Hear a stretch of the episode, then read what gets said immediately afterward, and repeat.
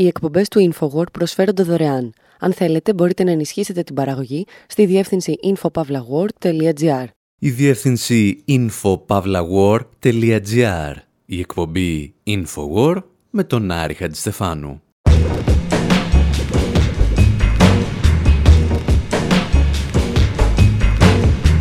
όπου σήμερα αναρωτιόμαστε εάν ο Σέξπιρ έχει κάτι να μας πει για τη συνεχιζόμενη γενοκτονία των Παλαιστινίων και αν μπορούμε να τα συζητάμε όλα αυτά χωρίς να πίνουμε τον καφέ μας στα Starbucks. Παρακολουθούμε τον Κάφκα να μεταναστεύει στις Ηνωμένες Πολιτείες και να συναντά τον γερουσιαστή Μακάρθη. Θυμόμαστε ότι ένα καθεστώς το οποίο εξωστρακίζει πολίτες για τις ιδέες τους ονομάζεται απολυταρχικό και αναρωτιόμαστε τι θα συμβεί όταν ιδιωτικοποιήσεις το απολυταρχικό αυτό καθεστώς.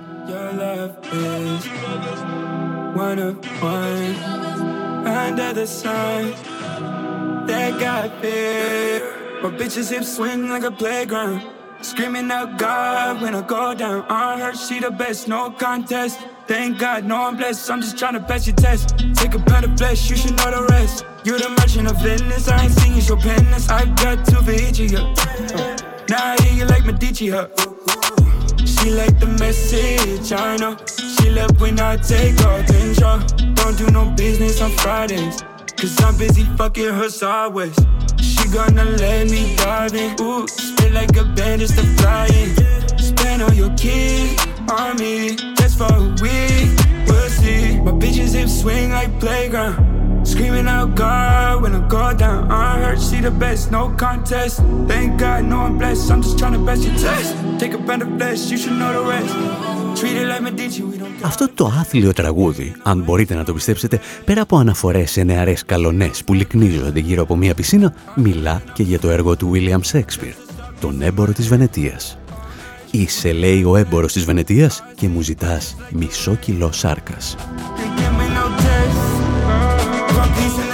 Πρόκειται για την περίφημη λίβρα ανθρώπινης σάρκας που ζητούσε ο Εβραίος Σάιλοκ σαν εγγύηση για τα δάνεια που χορηγούσε.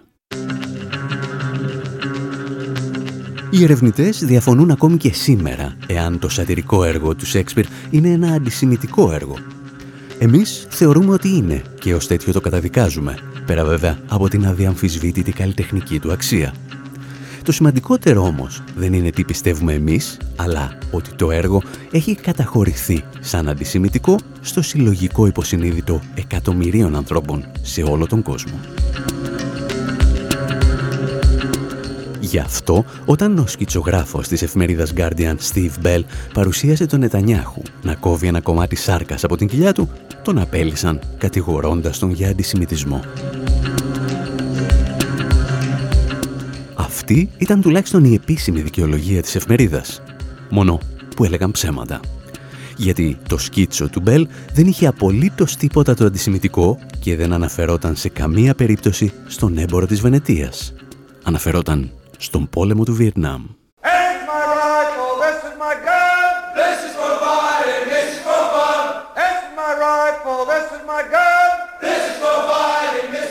Το 1965 ο πρόεδρος Τζόνσον των Ηνωμένων Πολιτειών πραγματοποίησε μια επέμβαση αφαίρεσης σχολής. Ο λόγος για τον οποίο μας αφορά αυτό είναι ότι παρουσίαζε με θαυμασμό τα σημάδια της εγχείρησης σε δημοσιογράφους. Και τότε ένας από τους σημαντικότερους σκητσογράφους των Ηνωμένων Πολιτειών, ο Ντέιβιτ Λεβίν, έκανε ένα σκίτσο, στο οποίο ο Τζόνσον αφαιρεί από το σώμα του ένα κομμάτι που έχει το σχήμα του Βιετνάμ. Ο Στίβ Μπέλ λοιπόν αποτίει φόρο τιμής σε αυτό το αντιπολεμικό σκίτσο και τον απολύουν ύστερα από 40 χρόνια συνεργασίας με την εφημερίδα Guardian. Δεν ήξερε η εφημερίδα ότι το σκίτσο δεν έχει σχέση με τον Σάιλοκ; Το ήξερε. Και το ήξερε πάρα πολύ καλά γιατί το είχε εξηγήσει ο ίδιος ο Μπέλ.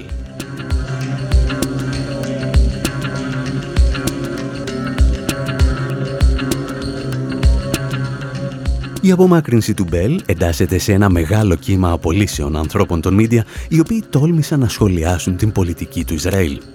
Το BBC, παραδείγματος χάρη, έθεσε σε διαθεσιμότητα έξι δημοσιογράφους αυτή την εβδομάδα, όχι για όσα είπαν στον αέρα, αλλά για όσα έγραψαν στους προσωπικούς τους λογαριασμούς σε μέσα κοινωνικής δικτύωσης.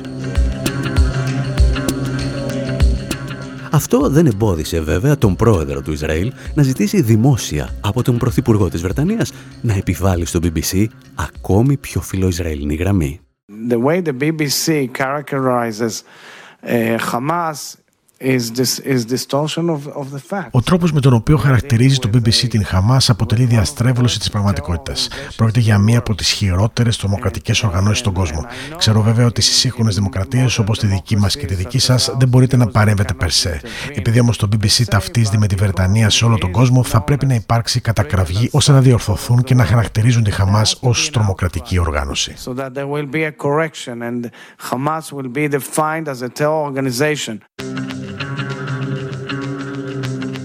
Αυτή ήταν η πραγματική μετάφραση. Γιατί αυτό που ήθελε να πει ο Ισραηλινός πρόεδρος θα μπορούσε να συνοψιστεί ως εξής. Ξέρω ότι σε αυτές τις σύγχρονες δημοκρατίες που υποτίθεται ότι έχουμε δεν μπορούμε να παρεμβαίνουμε στη λειτουργία των μέσων ενημέρωσης. Να σας θυμίσω όμως ότι ο τελευταίος Βρετανός πολιτικός που μας άσκησε κριτική, ο Τζέρεμι Κόρμπιν, έπεσε θύμα μιας εκστρατείας που οργάνωσε η Ισραηλινή πρεσβεία στο Λονδίνο ώστε να χαρακτηριστεί σαν αντισημίτης και έτσι έχασε την ηγεσία του κόμματός του. Και αν δεν μας πιστεύετε, μπορείτε να δείτε και τα δύο σχετικά ντοκιμαντέρ του Αλτζαζίρα για το ίδιο θέμα.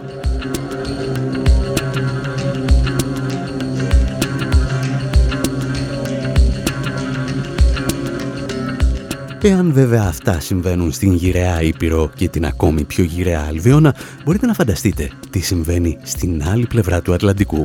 Θα τα συζητήσουμε ύστερα από αυτό το τραγουδάκι για το οποίο ζητάμε προκαταβολικά συγγνώμη για την ποιότητα του ήχου του.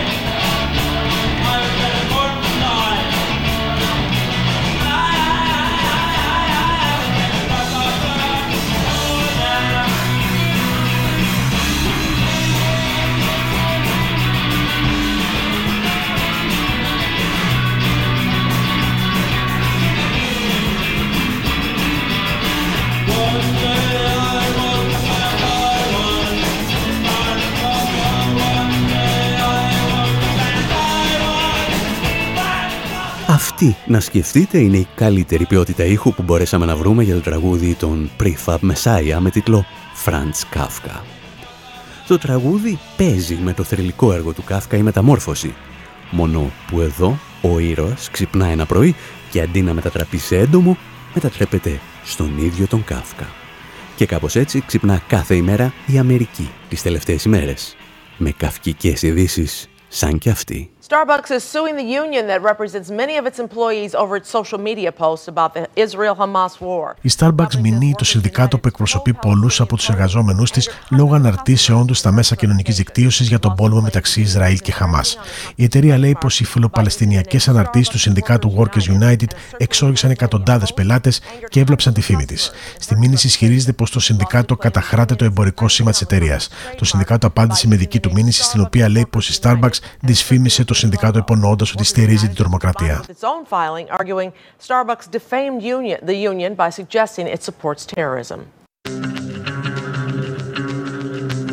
Προφανώς τα Starbucks δεν μπορούσαν να μηνύσουν τους εργαζόμενους για τις ιδέες τους, καθώς έτσι θα παραβίαζαν την πρώτη τροποποίηση του Αμερικανικού Συντάγματος για την ελευθερία του λόγου. Τους μήνυσαν λοιπόν γιατί χρησιμοποιούν το όνομα και το λογότυπο της εταιρείας στις ανακοινώσεις τους. Οι εργαζόμενοι δηλαδή στα Starbucks δεν πρέπει να αναφέρουν ότι εργάζονται στα Starbucks.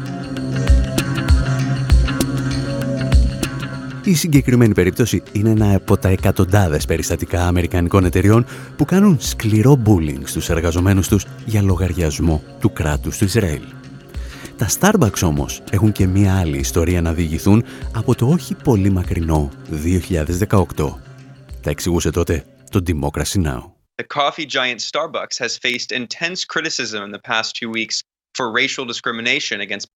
Ο γίγαντας του καφέ Starbucks αντιμετωπίζει έντονη κριτική τις τελευταίες εβδομάδες για φιλετικές διακρίσεις εναντίον μαύρων πελατών. Στις 12 Απριλίου, δύο μαύροι άνδρες που κάθισαν για δύο λεπτά χωρίς να παραγγείλουν σε ένα Starbucks στη Φιλαδέλφια συνελήφθησαν από αστυνομικούς έπειτα από καταγγελία του διευθυντή καταστήματος.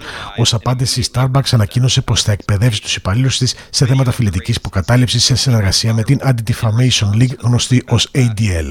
Η ADL ισχυρίζεται πως είναι οργάνωση πολιτικών δικαιωμάτων όμως στην πραγματικότητα είναι ένα λόμπι του Ισραήλ. Η ADL έχει επανειλημμένα κατηγορηθεί για κατασκοπία εναντίον προοδευτικών ακτιβιστών, ειδικά Παλαιστινίων και άλλων Αράβων. Επίσης, κατηγορήθηκε πως κατασκόπευε ακτιβιστές κατά του Απαρχάη της Νοτιοαφρική, που τότε ήταν σύμμαχος των ΗΠΑ και του Ισραήλ. Επίσης, ότι κατασκόπευε ακτιβιστές που διαμαρτύρονταν ενάντια στον Αμερικανικό εξοπλισμό ακροδεξιών ομάδων θανάτου στην Κεντρική Αμερική τι δεκαετίε του 80 και του 90.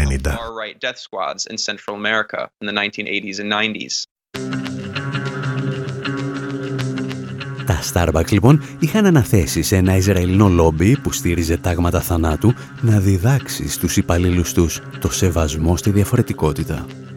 Γιατί τίποτα δεν ταιριάζει περισσότερο με μια κούπα μόκα από καθεστώτα που πολυβολούν και βομβαρδίζουν τους αντιπάλους τους.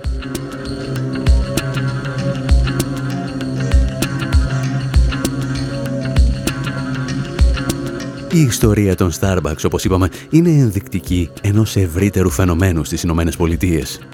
Πως ιδιωτικές εταιρείες που συνδέονται άμεσα ή έμεσα με το Ισραηλινό λόμπι θέλουν να πειθαρχήσουν Αμερικανούς πολίτες με τρόπο που θα ήταν παράνομο να το κάνει το κράτος. Και εδώ ερχόμαστε στην πολύ ενδιαφέρουσα ιστορία του Πανεπιστημίου του Χάρβαρντ. Πριν από μερικές ημέρες, ομάδες φοιτητών υπέγραψαν ένα κείμενο στο οποίο υποστήριζαν ότι για την έκρηξη βία στη Μέση Ανατολή ευθύνεται αποκλειστικά ο στρατός κατοχής, δηλαδή το Ισραήλ. Και ύστερα συνέβη αυτό. A digital billboard parked right outside Harvard University is attracting a lot of attention. The names and faces of Harvard students. Μια ψηφιακή διαφημιστική πινακίδα παρκαρισμένη ακριβώς έξω από το Πανεπιστήμιο Harvard προσελκύει την προσοχή. Στην πινακίδα εμφανίζονται τα πρόσωπα και τα ονόματα φοιτητών του Πανεπιστημίου υπό τον τίτλο Οι μεγαλύτεροι αντισημίτες του Harvard. Οι φοιτητές φέρονται να είναι εκείνοι που υπέγραψαν ανακοίνωση της φοιτητικής ομάδας Επιτροπή Αλληλεγγύης στην Παλαιστίνη, που μεταξύ άλλων έλεγε ότι θεωρεί το Ισραηλινό καθεστώς εξ ολοκλήρου υπεύθυνο για όλη τη βία που εκτελήσεται responsible for all unfolding violence. Σε μια ναζιστικού τύπου διαπόμπευση, λοιπόν, ένα φορτηγό παρουσίαζε σαν τρομοκράτες φοιτητές του Πανεπιστημίου του Χάρβαρτ και πρόβαλε τις φωτογραφίες του σε γιγαντοαφίσες. Όπως αποκάλυψε η εφημερίδα Guardian, το φορτηγό είχε μισθώσει η οργάνωση Accuracy Media, η οποία είναι παρακλάδι ενός γιγαντιαίου δικτύου ακροδεξιών οργανώσεων και think tank, τα οποία χρηματοδοτούνται με εκατομμύρια δολάρια από ένα άλλο ίδρυμα, το Informing America Foundation. Και μετά την ακροδεξιά ήρθε το μεγάλο κεφάλαιο να αποτελειώσει τους φοιτητές. The division at Harvard University is growing. Two billionaires are pulling their funding. Ο διχασμός στο Πανεπιστήμιο του Harvard μεγαλώνει. Δύο δισεκατομμυριούχοι αποσύρουν τη χρηματοδότηση λέγοντας πως δεν μπορούν να στηρίξουν έναν θεσμό που παραγνωρίζει την τρομοκρατική επίθεση της Χαμάς κατά του Ισραήλ. Στην επιστολή τους στο Συμβούλιο του Harvard αναφέρθηκαν συγκεκριμένα στην επιστολή φοιτητικών ομάδων που επέριπταν στο Ισραήλ τις ευθύνες για τη βία. Σήμερα το Harvard είπε σε ανακοίνωση πως τους ευγνωμονεί για τη μακροχρόνια στήριξή τους.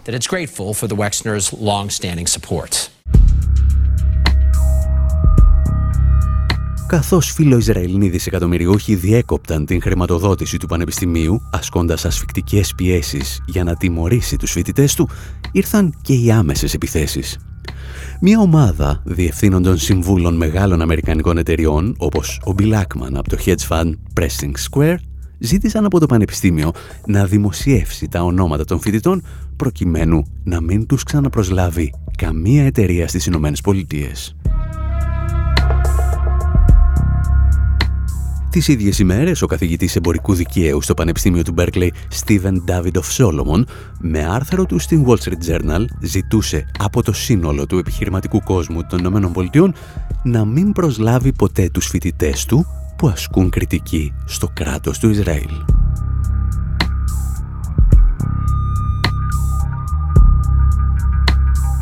Στις Ηνωμένες Πολιτείες, το να μπει σε μια τέτοια μαύρη λίστα εταιριών μπορεί να σημάνει όχι μόνο το οριστικό τέλος της καριέρας σου, αλλά να απειλήσει την ίδια σου την επιβίωση. Σχεδόν όλοι οι φοιτητές τελειώνουν ως γνωστόν το πανεπιστήμιο κουβαλώντας ένα δυσθεώρητο οικονομικό χρέος. Εάν είναι βέβαιο ότι δεν θα βρουν δουλειά στον τομέα τους, το χρέος αυτό είναι πρακτικά αδύνατο να αποπληρωθεί. Και το Ισραηλινό λόμπι και οι σύμμαχοί του εξασφαλίζουν ότι θα συμβεί ακριβώς αυτό. Το ενδιαφέρον στοιχείο εδώ είναι ότι αυτού του είδους ο μακαρθισμός δεν επιβάλλεται πλέον από το κράτος που λειτουργεί σαν εργαλείο των μεγάλων επιχειρήσεων, αλλά απευθείας από τις επιχειρήσεις. Έχουμε δηλαδή το πρώτο ιδιωτικοποιημένο απολυταρχικό καθεστώς. Ένα καθεστώς που τιμωρεί τους πολίτες για τις απόψεις τους με διαρκή εξωστρακισμό τους από το κοινωνικό σύνολο. Και αυτό δεν το είχε καταφέρει μέχρι σήμερα κανένα απολυταρχικό καθεστώς χωρίς να ασκήσει τρομακτικές ποσότητες βίας.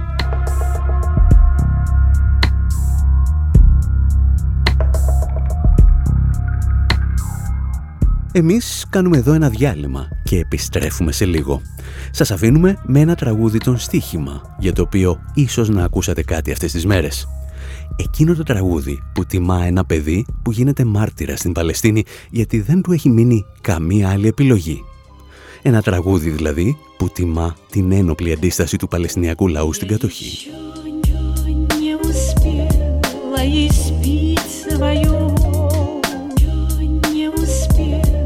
places. Έχω πεθάνει 2006 φορές. Σε κάθε πόλεμο που έγινε με κυνηγούσανε ορδές. Είμαι ο άμαχος που πάντα πεθαίνει, πάντα φοβάται. Πάντα με το ένα μάτι ανοιχτό κοιμάται. Είναι ο ρόλος που μου δόθηκε αυτός από το Θεό Να πεθαίνω. Για κάθε πολεμό του ιερό Έχω πεθάνει. Σε μία από τις σταυροφορίες Περάσαν από πάνω μου τρεις αυτοκρατορίες. Θυμάμαι κι όσο θυμάμαι φοβάμαι τις νύχτες εκείνες Όταν μάτωναν τα αυτιά σου από τις ειρήνες. Και μετά μέσα στις γνώριμες κατακόμπες Και από πάνω μου τόνι από τσιμέντο και βόμβες Ακού να δεις, εδώ κάτω δεν ζητείτε έλπις Όταν θα ξαναγίνει πόλεμος πρέπει να σηκωθείς για να πεθάνεις πάλι Μονάχος κάποιο βράδυ Ήμουν παιδί όταν βομβάρδισαν το Βελιγράδι Είμαι ο άμαχος που πάντα πεθαίνει, πάντα φοβάται πάντα. Με το ένα μάτι ανοιχτό κοιμάται πάντα, πάντα πονά. Πάντα ξυπνά όταν πρέπει και πεθαίνει πάλι. Αφού ο Θεός το επιτρέπει, είμαι ο άμαχος που πάντα πεθαίνει, πάντα φοβάται πάντα. Με το ένα μάτι ανοιχτό κοιμάται πάντα, πάντα πονά. Πάντα ξυπνά όταν πρέπει και πεθαίνει πάλι. Αφού ο Θεός το επιτρέπει. Έχω πεθάνει στο λοκαύτωμα χωρίς να φταίω. Αντί για δάκρυα βγαίνει αίμα από τα μάτια μου όταν κλαίω. Ήμουν παιδί στην Παλαιστίνη τη νύχτα εκείνη. Έγινα μάρτι γιατί τίποτα δεν μου είχε μείνει η ζωή μου στους αιώνες. Μοιάζει με πείμα με την κοπέλα μου. Πέθανα αγκαλιά στη Χειροσύμα. Ή στο Ιράκ ή στο Αφγανιστάν, εντάξει. Τουλάχιστον εσείς πουλάτε 16. Ήμουν Αρμένιος την ώρα που μας έσφαζω και μάλ και μοναχός επί κομμουνισμού. Κάπου στο Νεπάλ και είπα όχι πάλι, όχι άλλο σκοτάδι. Αφήστε με να κοιμηθώ λιγάκι για ένα βράδυ. Αύριο πάλι σε μια μάχη νέα θα με ξυπνήσουν να πεθάνω στο Ιράν ή την Κορέα. Είμαι ο άμαχο που πάντα πεθαίνει, πάντα φοβάται. Πάντα με το ένα μάτι ανοιχτό κοιμάται. Είμαι ο άμαχο που πάντα πεθαίνει, πάντα φοβάται. Πάντα με το ένα μάτι ανοιχτό κοιμάται. Πάντα, πάντα πονά, πάντα ξυπνά όταν πρέπει και πεθαίνει πάλι. Αφού ο Θεός το επιτρέπει. Είμαι ο άμαχο που πάντα πεθαίνει, πάντα φοβάται. Πάντα με το ένα μάτι ανοιχτό κοιμάται. Πάντα, πάντα πονά, πάντα ξυπνά όταν πρέπει και πεθαίνει πάλι πάλι αφού ο Θεός το επιτρέπει.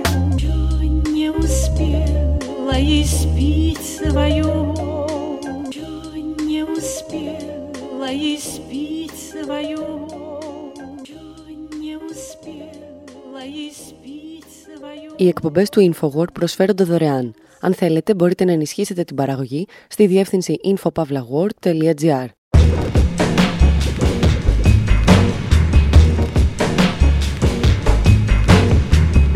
όπου σήμερα αναρωτιόμαστε πόσο πιθανό είναι να δημιουργηθεί ένα πλήρως φασιστικό κράτος μεταξύ των χωρών του αναπτυγμένου Βορρά.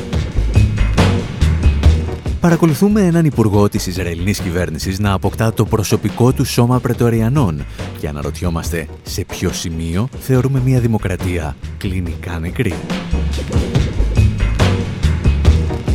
Ταξιδεύουμε στα χρόνια της Ρωμαϊκής Αυτοκρατορίας για να συναντήσουμε την Πρετοριανή Φρουρά και να θυμηθούμε το πέρασμα από τη Δημοκρατία στην Αυτοκρατορία. Και ύστερα διηγούμαστε ιστορίες για ομάδες πολιτοφυλακής που παίρνουν τον νόμο στα χέρια τους για να υπηρετήσουν τα συμφέροντα των ισχυρών.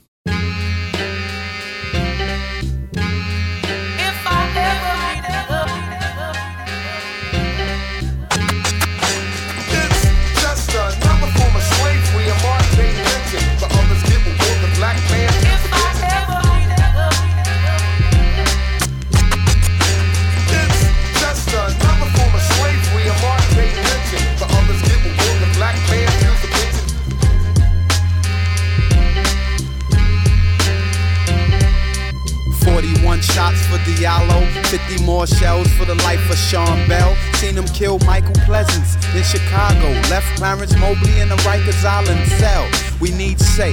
Talking about hell up in the BK. Fly tie shot in the back. Even killed two more after that. The innocent die when police drive by. It's a fact. I'm hoping they don't stop. I'm just posted up, chilling, not dealing, not feeling like being harassed. Where I live, what I did. Put your hands on the car. I'm like, nah, rap stars, what I is. So the outcome is Malcolm Ferguson, killed in the Bronx. He resisted, so they murdered him.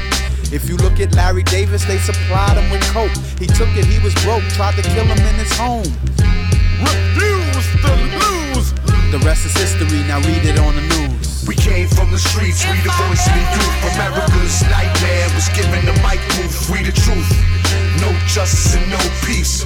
Father UC came the police. We came from the streets, we the voice of the youth. America's nightmare was given the mic proof, free the truth. No justice and no peace. Father UC came the police. Historical. Ο κύριος που ακούτε ονομάζεται Il Bill, δηλαδή ο άρρωστος Βασίλης και ουδε μία σχέση έχει με το Kill Bill του Ταραντίνο. Εδώ τραγουδά το Corrupt, με καλεσμένους στο στούντιο τους ράπερ Trinity και Immortal Technique. Το τραγούδι αναφέρεται στις δολοφονίες μαύρων από την αστυνομία και τις συγκρούσεις με διαδηλωτές που ακολουθούν. Και όταν έρχεται η σειρά του, ο Immortal Technique λέει όπως πάντα μερικές πολύ πολιτικές κουβέντες που συνοψίζουν όλα όσα θέλουμε να πούμε σε αυτή την εκπομπή.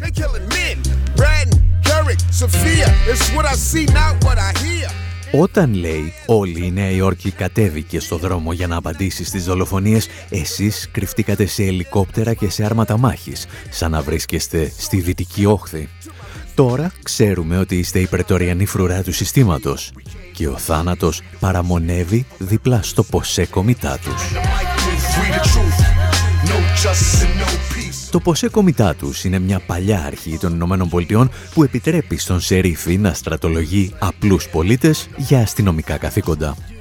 Ουσιαστικά ήταν εκείνο το κομβικό σημείο όπου το επίσημο κράτος συναντούσε το παρακράτος και συνήθως κινούνταν μαζί για να σκοτώνουν εργάτες και απεργούς. Η πρετοριανή φρουρά για την οποία μιλούσε το τραγούδι ήταν βέβαια η προσωπική ασφάλεια των στρατηγών και των αυτοκρατόρων στην αρχαία Ρώμη. Και για να συνδέσουμε αυτές τις έννοιες πρέπει να επιστρέψουμε στο 275 π.Χ.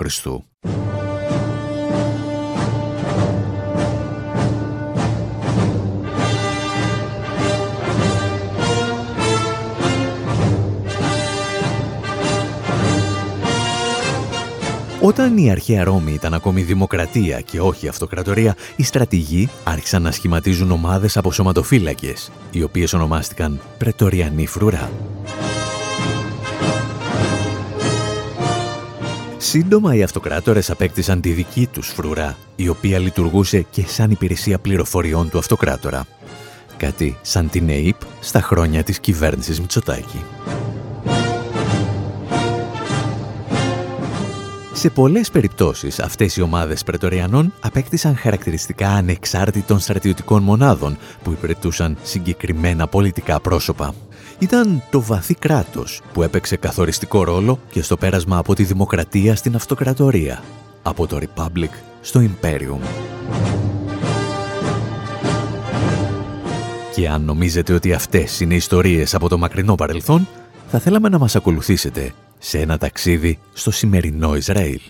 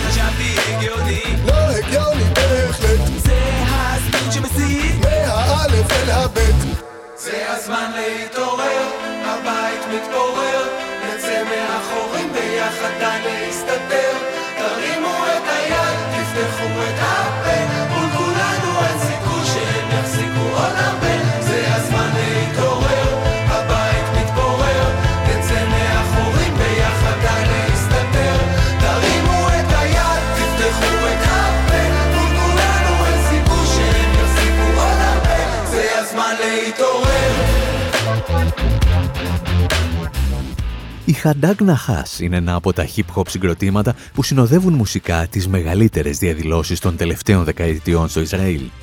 Και εδώ τραγουδούν «Το καιρός να ξεσηκωθείς». Και ο κόσμος ξεσηκώθηκε.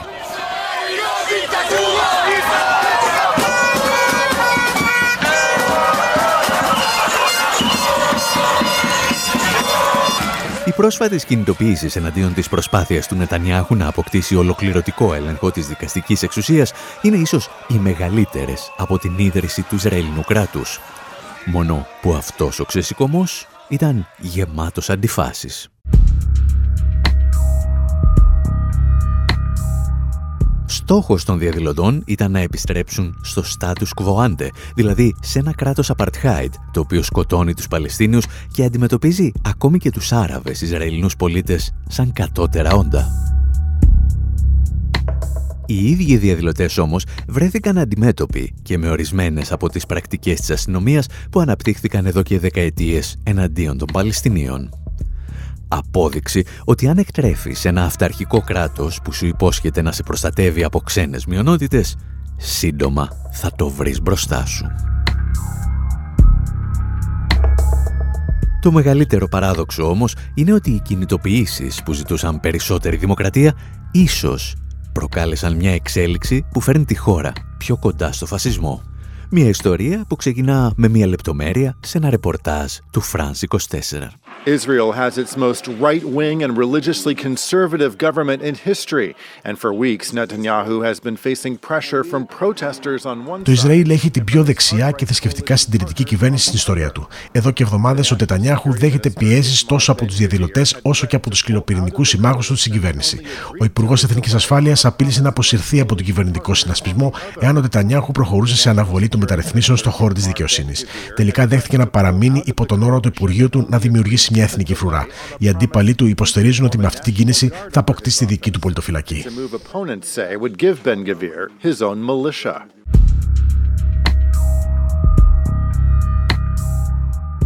Σε γενικές γραμμές, σε μια δημοκρατία, καλό είναι οι υπουργοί να μην έχουν τη δική τους πολιτοφυλακή. Και αν δεν καταλαβαίνετε γιατί, προσπαθήστε για λίγο να σκεφτείτε τον Γεωργιάδη, τον Βορύδη ή τον Πλεύρη με το δικό τους ένοπλο τμήμα. Στην περίπτωση του Ισραήλ όμως, η κατάσταση είναι ελαφρώς πιο προβληματική, γιατί ο σημερινός Υπουργός Εθνικής Ασφάλειας είναι ακροδεξιός τρομοκράτης.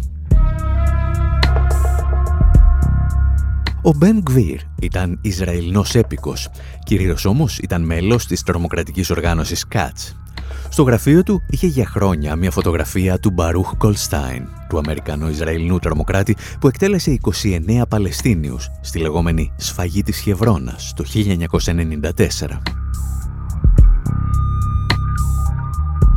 Αυτόν τον άνθρωπο τον επέλεξε ο Νετανιάχου για να τον ανασύρει από την πολιτική αφάνεια και να τον κάνει πολιτικό του σύμμαχο. Τα εξηγούσε η δημοσιογράφος Νατάσα Ροθ Ρόουλαντ μιλώντας στο Democracy Now! Now that he is National Security Minister, he's in charge of all of Israel's police. That's the regular police and the border police, which patrols inside the occupied West Bank. Τώρα που είναι Υπουργός Εθνικής Ασφάλειας, είναι επικεφαλής όλης της Ισραηλινής αστυνομίας, της συμβατικής αλλά και της συνοριακής, που περιπολεί εντός της κατεχόμενης Δυτικής Όχθης. Άρα έχει ήδη τεράστια εξουσία στις αστυνομικές δυνάμεις που τακτικά ασκούν βία σε Παλαιστίνιους. Ο Τετανιάχου είναι υπεύθυνος για το μέγεθος της εξουσίας που απολαμβάνει σήμερα ο Μπεν Γκβίρ. Αυτό το βοήθησε να περάσει από το πολιτικό περιθώριο στο κέντρο της πολιτικής σκηνής, προσφέροντά του πρωτόγνωρο επίπεδο επιρροής. Αυτό που συνέβη λοιπόν χθες είναι άλλο ένα βήμα σε αυτή την κατεύθυνση. Δεν είναι ξεκάθαρο αυτή τη στιγμή πότε ακριβώς θα εγκαθιδρυθεί αυτή η νέα εθνική φρουρά και τι μορφή θα πάρει. Νομίζω όμως ότι είναι απόλυτα σωστό να θεωρήσουμε ότι θα αποτελεί τον ιδιωτικό στρατό του Ben Gvir.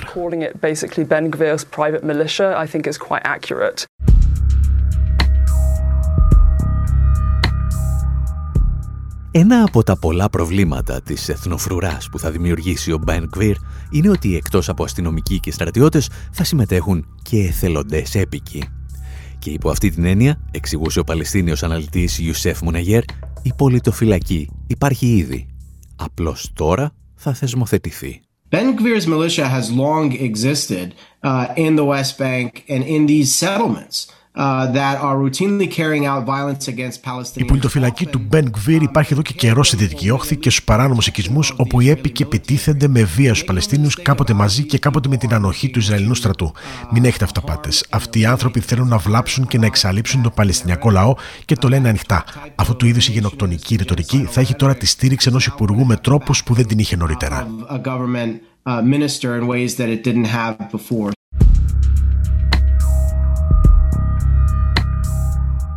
Εάν η θεσμοθέτηση της συγκεκριμένης πολιτοφυλακής σας θυμίζει ενδεχομένως την ενσωμάτωση του ναζιστικού τάγματος Αζόφ στις ένοπλες δυνάμεις της Ουκρανίας, μάλλον είστε σε καλό δρόμο. Γιατί όπως εξηγούσε η Νατάσα Ροθ Ρόουλαντ, οι εθελοντές που θα συμμετέχουν ευθύνονται ήδη για φρικαλαιότητες που συντελούνται εναντίον των Παλαιστινίων. And as we saw in the Huwara pogrom at the end of last month, when around 400 το είδαμε στο πογκρόμ της Χουβάρα στο τέλος του προηγούμενου μήνα όταν περίπου 400 φονταμεταλιστές έπικοι εισέβαλαν σε αυτή την Παλαιστινιακή κομμόπολη στη Δυτική Όχθη. Κατέστρεψαν σπίτια βάζοντας τους φωτιά ενώ υπήρχαν ακόμα οικογένειες Παλαιστινίων μέσα. Πυρπόλησαν αυτοκίνητα και επιτέθηκαν σε Παλαιστίνιους. Είδαμε αυτή τη συμπεγνία μεταξύ επίκων και δυνάμεων ασφαλείας του Ισραήλ. Βλέπουμε αυτόν τον συνδυασμό επίκων, στρατιωτών και της Ισραηλινής αστυνομίας είτε να συνεργάζονται σε επιθέσεις στους Παλαιστίνιους είτε οι δυνάμεις ασφαλείας απλά να στέκονται στο πλευρό τους. Αν σκεφτούμε λοιπόν ότι αυτός ο συνδυασμός θα πάρει τη μορφή μιας νέας εθνικής φρουράς, πρόκειται για μια τρομακτική προοπτική.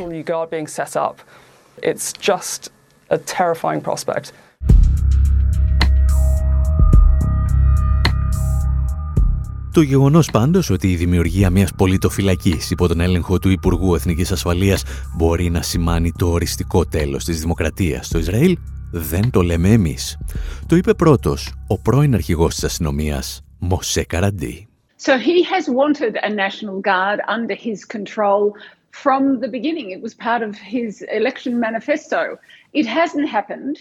Ήθελε πάντα να έχει μια εθνική φρουρά υπό τον έλεγχό του και το εξηγούσε και στο προεκλογικό του μανιφέστο. Επειδή δεν τα κατάφερε, προσπαθούσε να αποκτήσει απόλυτο έλεγχο της αστυνομίας και φυσικά ως υπουργός ήταν υπεύθυνος για την αστυνομία. Με αυτή την εξέλιξη λοιπόν εκπληρώνει το όνειρό του. Και μόνο η ανακοίνωση της συμφωνία έχει προκαλέσει σφοδρές αντιδράσεις. Ένας πρώην αρχηγός αστυνομίας δήλωσε ότι αυτός θα είναι ο προσωπικός του στρατός, τον οποίο θα επανδρώσει με εξτρεμιστές από τους οικισμούς.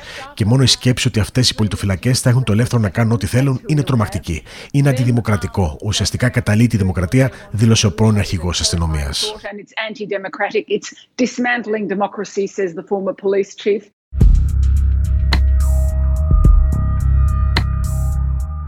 Όταν ο πρώην αρχηγός της αστυνομίας κάνει λόγο για κατάλυση της δημοκρατίας και όταν πρώην πρωθυπουργοί όπως ο Εχούντ Μπάρακ προειδοποιούν για την εγκαθίδρυση ενός φασιστικού καθεστώτος στο Ισραήλ, τα πράγματα ίσως δεν πάνε πολύ καλά και είναι από εκείνες τις στιγμές που δεν κρίνεται μόνο ένα καθεστώς, αλλά και η συμμαχή του.